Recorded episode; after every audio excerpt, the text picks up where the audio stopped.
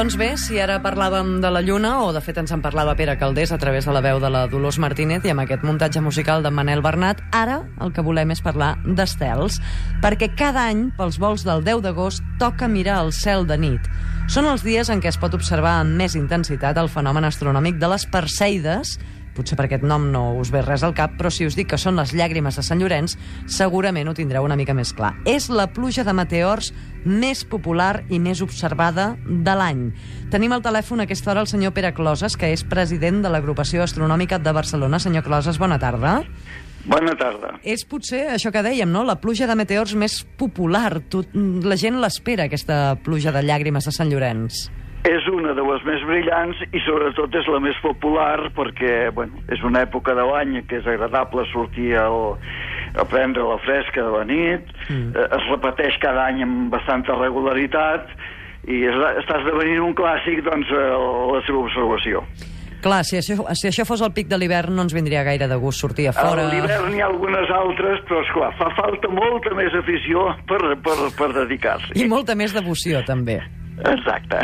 Els professionals en fan gaire cas d'aquesta pluja de Sant Llorenç o és, com dèiem, una cosa més, més popular, més per entendre'ns, eh, d'estar per casa? Mm, aviam, té el seu interès des del punt de vista de l'astronomia professional. Encara més, eh, darrerament, com que és possible tenir moltíssimes més dades, perquè en aquest moment hi ha, fins i tot hi ha, hi ha aficionats o hi ha professionals que operen càmeres que cada nit estan observant el cel contínuament, mm. eh, per tant es tenen moltíssimes més dades sobre aquest fenomen que no pas fa uns anys, per tant per ells sí que té molt d'interès perquè qualsevol pluja d'aquestes eh, està associada amb algun objecte que dona voltes al voltant del Sol, alguns encara no identificat, mm, per tant, té interès des del punt de vista professional. Uh mhm. -huh.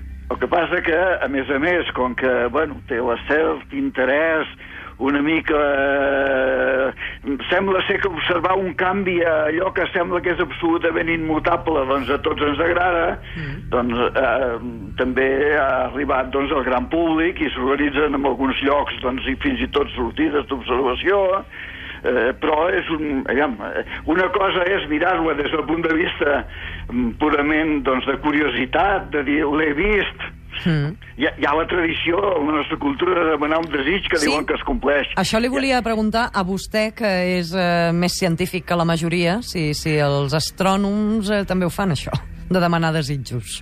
Eh, demanar desitjos que ho fem com tothom, Eh, el que passa que tenim la seguretat de que pel fet de demanar-los en una circumstància especial no han de complir-se eh, lligats a aquesta observació, no? Però potser hi ha aquest impuls humà que un no pot evitar, no? Per molt científic eh, que sigui.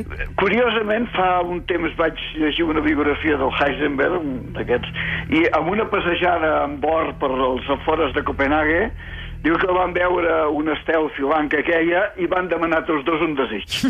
O sigui, fins i tot els Premis Nobel de demanen desitjos. Eh? Una cosa és pensar que es complirà pel fet d'haver-lo demanat avui. Sí, sí.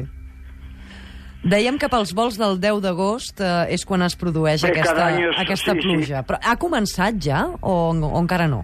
Eh, aquesta, curiosament, la de les Perseides, és una pluja que té una durada relativament llarga.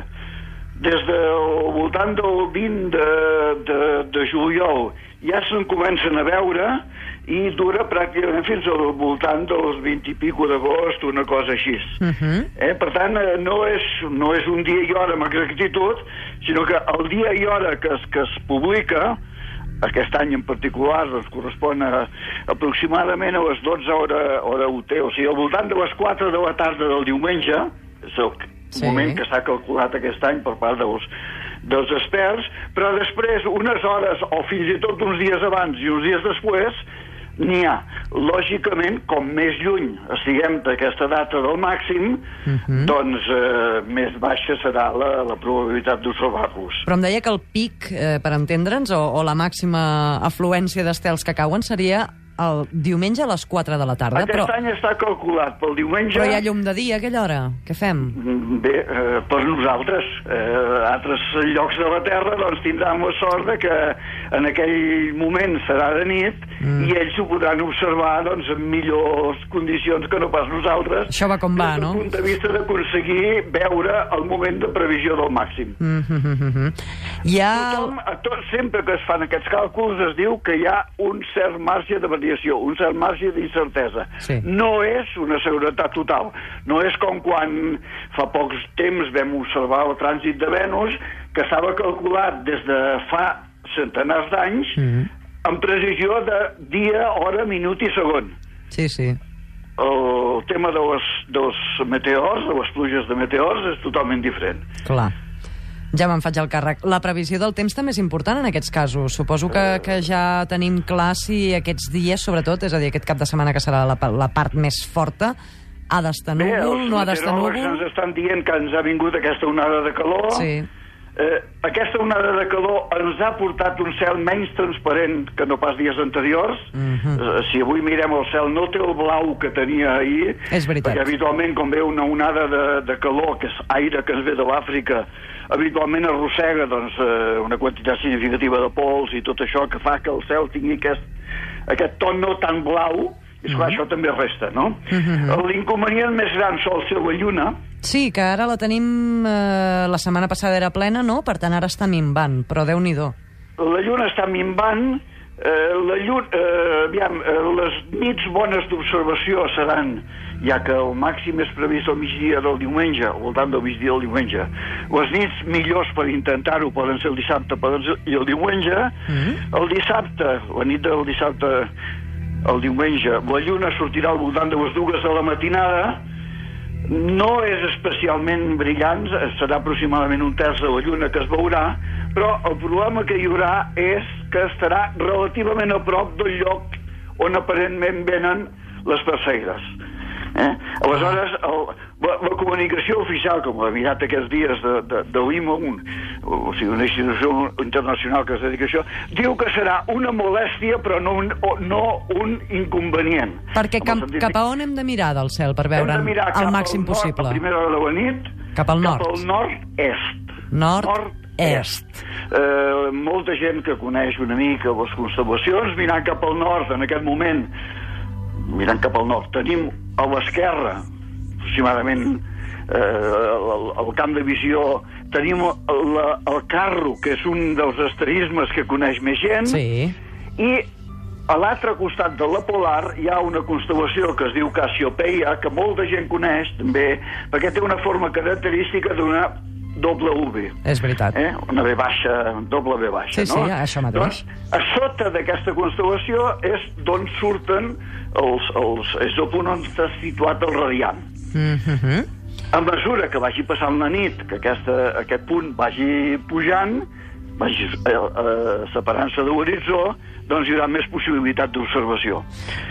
De Eh, tota manera, senyor Closes, estem parlant de pluja i això de pluja no en té res. No, res, però eh, això sí que és interessant, eh, perquè quan diem pluges eh, eh, parlem de, de les gotes que van caient contínuament. Eh, eh, eh, es diu en els, les previsions, eh, ens diuen que hi ha un, la previsió en el moment del màxim és de l'ordre d'unes 100 contes per hora. Carai.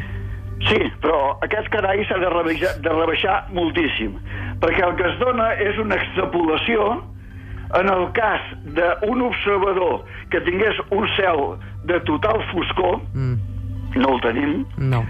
en el cas de que el radiant estigués situat exactament damunt del cap, perquè llavors ho veuríem tot al voltant, Mhm. quan està a l'horitzó ens en perdem a la meitat, Clar.